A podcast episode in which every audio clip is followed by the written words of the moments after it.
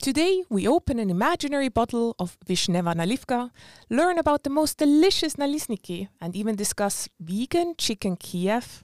So put on a melodic record from Kristina Solovey or some Melovonuka and join us for a celebration of all things Ukrainian on today's Erasmus podcast.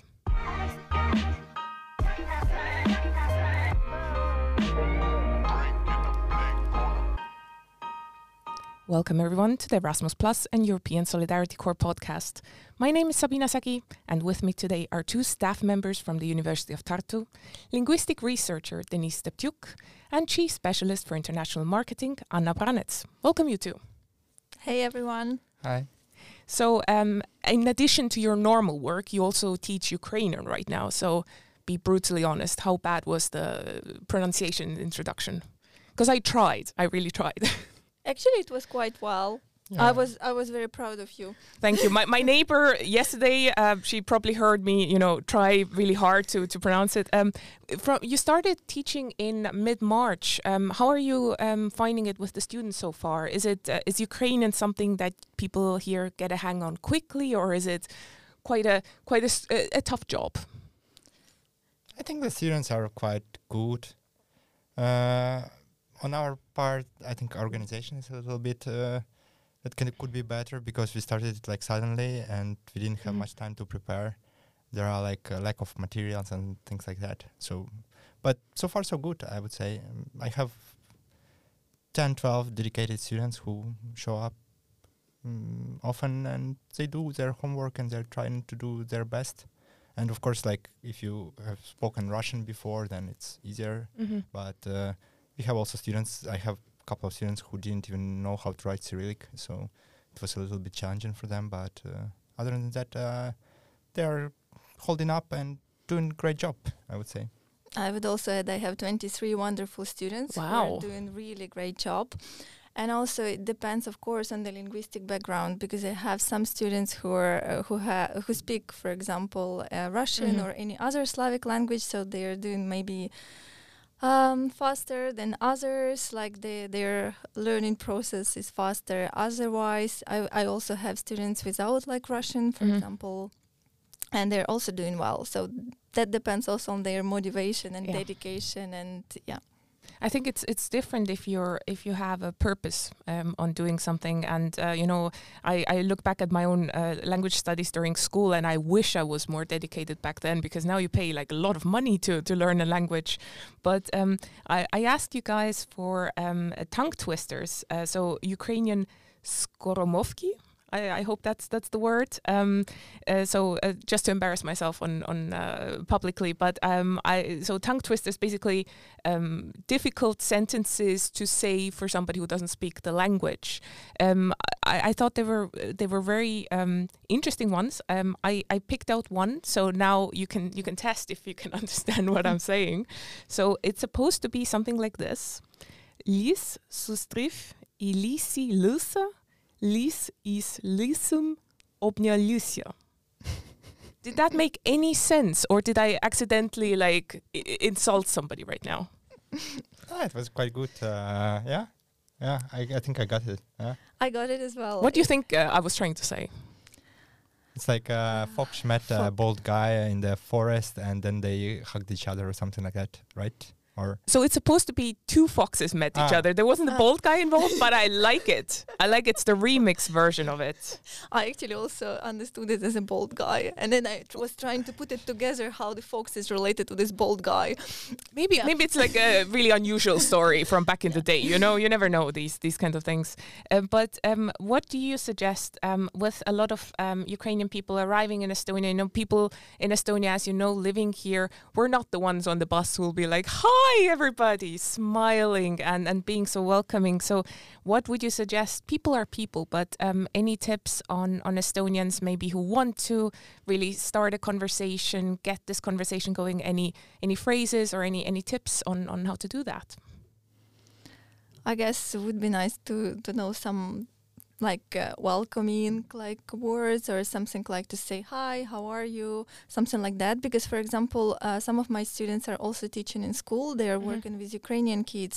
So basically, these uh, first dialogues help them to kind of like find a way to kids Mhm. like to ask uh, what's your name how are you how are you doing and then it's gonna be like and then switch obviously to english or to other language So what's what is a good hi? How are you? Without you know accidentally insulting somebody. well there are different ways how you can say it for example you can say привет which Mhm. is very similar to russian привет uh, but you can also say витаю Вітаю. витаю Okay, so um, and I think um, I hope so at least that um, sometimes when I was living abroad, um, I tried to say something, and even if it wasn't the correct, you know, pronunciation, but I hope people would appreciate it at least. So um, if if we go with Vitayu on a bus, we're good. yes.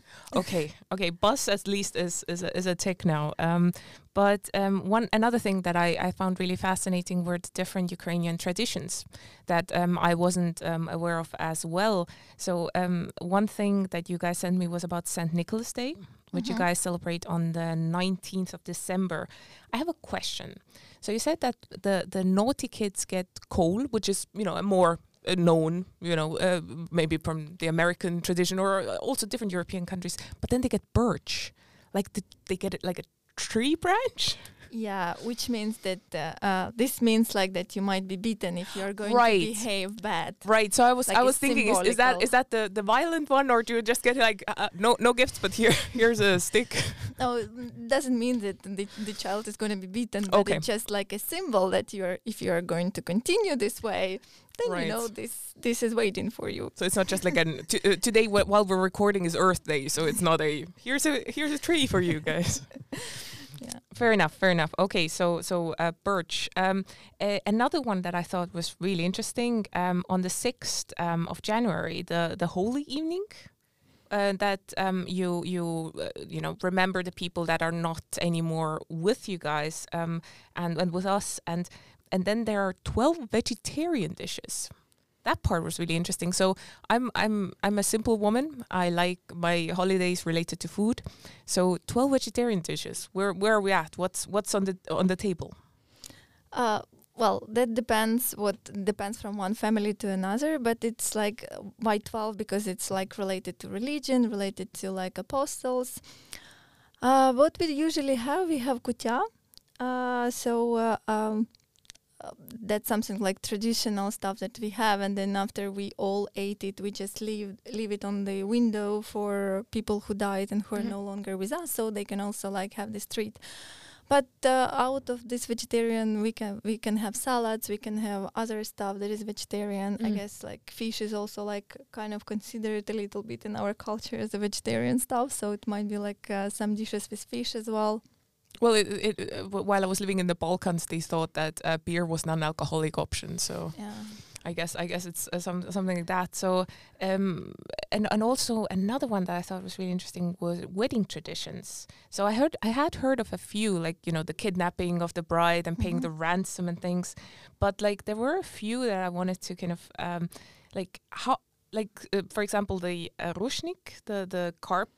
uh, Can I call it a carpet? A weaved uh, It's more like a towel, I A would say. towel. right yeah. um to to the, the one that steps on it first wears the pants in the um, In- relationship that that's how, what the article was describing it as is this still something that people do regularly I'd say yes. Uh, Yeah. Like my brother, when he was got he got married, uh, they had to do it like, and it was like, so it's basically like this official setting, kind of like uh, this registry office where Ri- you come with your, uh, I don't know, like we have this uh, witnesses and uh, I don't know parents, and Mhm. then yeah, they were doing this kind of thing as well. so it's not just to appease the grandmother who is like traditions Of course, it's like I. I've been also at weddings where people were like, "Ah, we don't want this kind of stuff," and Mhm. usually, like this registry officer, officers, they are also like trying to kind of they start speaking in this kind of like very interesting manner that like it kind of like trying to take a tear out of your eye, as we say, uh, like in this kind of like manner, like ah, and now bow to your parents because they gave you this and that, and it's like uh, this is, I think, also a part of uh, I, I would say this kind of tradition that uh, still parents insist on it, and they also Mhm. have uh, special bread, I would like say. korovai. Yeah, Yeah. that looked lovely. It's kind of uh, from for people who don't know it. It looked like um, you know it's a s like a swirl thing, or um, uh, because they had a picture of like a more traditional wedding cake, what people think of, you know, with the Hollywood wedding cakes, and then the korovai. So how uh, so if I go if I get ever you know get that lucky to get invited to a Ukrainian wedding, will I see one of those there? Is that is it some Definitely, yeah. Yeah, especially if there are some people who are up to maintaining traditions and things like Mhm. that. Right. So and and also the the wedding ring thing that it's worn on the right hand for women, and then when they lose their uh, spouse, they put it on the left hand. Is that still a thing? I know about right hand, that's for Uh-huh. sure, but about losing the spouse, I guess no one is wearing ring anymore like nowadays. I would say, yeah. Oh. Usually, especially older people, I think at some point Yeah. they just give it up, uh, like wearing it at all. Okay, so uh, you know you you can never trust those those translated ar- articles. It's like you know where are the sources. Uh, so okay, ring thing questionable, but the the the the korovai is at least there. Yeah. Okay, at least something. Um, so um, speaking of of korovai and the foods, I uh, you you guys sent me a few things to try, and I really tried to find them. Um, I found three places in Tallinn um, that serve uh, Ukrainian food. So there is um, Hutorok, uh, there is uh, Odessa restaurant, and apparently in Paldiam there's a kiosk with a lady who who does great Ukrainian food. Could not find her for the life of me. Uh, wherever you are, lady, I hope uh, I, I I get to find you at some place at some point. Um, what about Ukrainian foods in Tartu? Is it is it something that you guys can find, or is it something you have to do yourselves uh, with with things that that mom sends? I usually cook myself, so uh, I prefer if I go out, then I just go out to the regular uh, Mhm. restaurants. And I guess it's going to be very difficult for Dennis because he is vegetarian, Vegan, vegan, yeah. vegan even. Mhm, Yeah. mhm. But yeah, I think not that I know of. Maybe there is a Russian restaurant. Maybe they ap- appeal to kind of like common Slavic things. So it's like it's also hard to define some things like to claim that like for example borscht is uh, Mhm. Ukrainian. Um, maybe a lot of people will disagree, like especially like our neighbors uh, to some of the dishes. Uh, so uh, yeah, maybe I think like borscht should be like pretty much uh, in a lot of places. I would Mhm. say maybe. W- when I lived in Scotland, we had this little uh, Russian uh, shop, and then there they also they had kohuke, but they had it frozen so that they can ship them. And yes, I paid too much money for a frozen kohuke, but sometimes you know if you spend a few years abroad, you get a little homesick. You want that kohuke. But but yeah, um, so uh, about those dishes, um, you know, we, we talked about borscht and and vareniki is maybe more known what what are some of the gems of, of Ukrainian dishes that people maybe don't know about that but they should really try if they get the chance? I would probably recommend like this green borscht because nobody knows about it. And it's with uh, sorrel instead of like beetroot. So Mhm. basically the same the same consistency, uh, but there is no cabbage and there is an egg. Mhm. Uh, okay, and then the second one probably would be nalisniki. Mm-hmm. This is something like pancake with cottage cheese, which is also baked after that. Can be with apples, can be with different Mm, things. But that's mm. something that I would probably offer to my guests or to to surprise them with the Ukrainian stuff. So if um and what what what would you prefer? So let's say uh, Estonians here they they uh, meet some Ukrainians they want to invite them over. Should we try and cook some of those things, uh, or or could we make you know too many mistakes? You know, put put the wrong cabbage in there. You, you said no cabbage. Um, so should should people uh, like? if you if you because a lot of Ukrainians are arriving and I'm sure people want to have that you know show them that that they're interested in in um, the traditions and the the customs what would you suggest what what could an Estonian do maybe try like the easiest dish to try or a tradition to follow I would say that we don't have that strict recipes. Like we have like 100 ways how to cook borscht, and each region has their own like preferences. Uh-huh. So I guess like Ukrainians would appreciate anything. Like uh, I would Mm. say borscht is very straightforward. It's just uh, soup, like so, like you basically just add things to the water in the right order or something. Uh, order is not even important. I think like it's a big part of our cuisine that eventually everything is getting mixed up on one plate. So that's what we kind of appreciate. I don't know, like I know that Italians, for example, they don't like mixing like salad with pasta. Mm-mm. So they eat thi- first salad and they eat pasta. For Ukraine, like it's it's it's not very important. Like we just like to mix things. So like eventually, if it's you prepare like a couple of dishes and it will anyway get mixed up first on a plate and then in your stomach. So So no, uh, you know, with the Italians, if you break the spaghetti, you you will lose the friend. So no, nothing like that. No, Okay, uh, thank goodness. We are not strict like that about the food. At maybe all. like uh, the comparison, like my mom makes it better or something like that. Yeah, I yeah. Well, everybody's mom makes it better. Let's be honest. We're we're we're all very you know uh, proud of the mom's food. But um, speaking of also um, something else that uh, you guys shared with me, and uh, uh, this is you know just the really tip of the iceberg in terms of music, and uh, I'm sure there is a lot more that uh, that I'm not aware of. But I think um, some people maybe their their last. Uh, introduction to uh, Ukrainian mu- music was Ruslana back in uh, 2004. And I think uh, as Estonians, we, we know it because uh, a lot of people still remember the 2001 win we had uh, at the Eurovision. They haven't let it go. So, um, other than Ruslana, um, what would you say from, from my experience from the, the, the few links that you sent me? It was a really interesting mix of kind of folk music resurgence kind of would you say this is this is a trend right now or how would you describe maybe ukrainian music right now in like three words Uh, three words Three will be words. challenging, but yeah, I was. I, I think like th- there is some. I it was before that as well. This kind of like ethnic vibe, I would say, like or folk vibe uh, present. But pop music became like somehow like electronic, especially like I think this artist Onuka, like she Mhm. started like she she she was probably not the first one who started doing it, but like she started incorporating these ethnic elements in into electronic music, and I think from there, like also like I think like a lot of pop producers became very prominent for the last decade. Uh, so uh, yeah, I think like if you are into this kind of music, then like there should be like definitely a lot of art artists and producers. And those people were actually writing songs for for money for other artists Mhm. as well. So it was a huge part of the show business, I would say. But uh, yeah, I don't know. Whatever rocks your boat, uh, like there is, uh, I think every genre, like because you sent me um uh, again is it Jinjer yeah, yeah um i, I listened to that as well and um i looked up uh, the singer um tati Shmailyuk Mhm. um and is that is that really her voice yeah, yeah, yeah. because this is it's amazing. I, I i recommend guys uh listen to it. It's kind of uh, maybe the the closest that i could think of like a little guano apes ish but uh, there's this one song pisces and then uh, like she has this, like a really mellow lovely voice and then suddenly the the monster comes out in a good way. I mean it was just i was like, you, you, I, I checked like is that her? Is that did they have another video on? So this is really her. Yeah, yeah, yeah. Nice. Well, and and another one that I was um, I, I tried to like write down uh, what it is, but ta- ta- DakhaBrakha. Uh huh. Mhm. It's like a. How would you guys describe that? I would say it's like uh, it's pretty much this uh, a good example of this ethnic uh, vibes Mhm. coming into.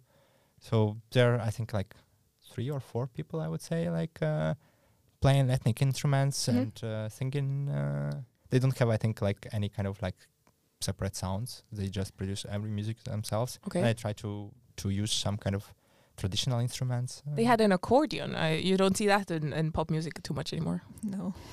And I like the, also the, the woolen hats. I'm not sure if show or, or usual, but um, that that was an interesting version as well.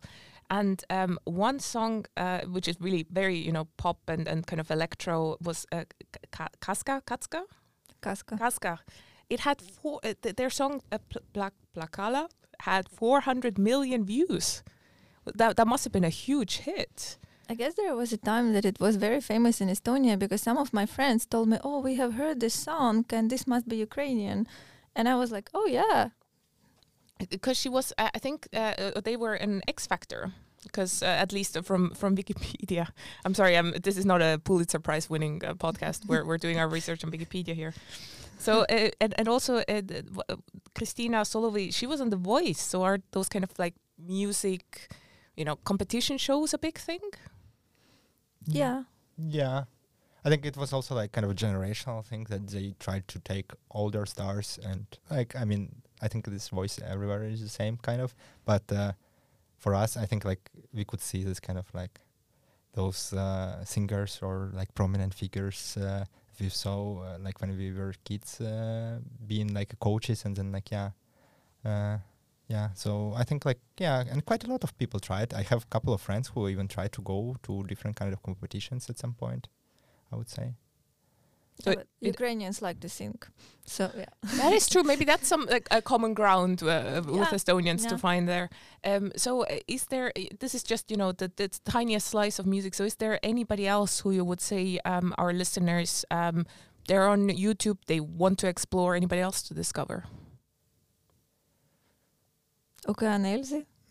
yeah why not? Yeah it's like also a bit uh, yeah britpop i would say like uh, i don't know indie rock uh, like not very harsh uh, not very typical voice as well. Not everybody likes the singer. Like my father was very critical of him uh, because he sounds like a guy who had uh, i don't know like uh, some throat problems or i don't know like a little bit Well, it's a generational thing, isn't but it? uh, yeah, it's uh, for some reason like it, it was like very a big thing for us, like when we were growing up. I would say, like very prominent uh, artists.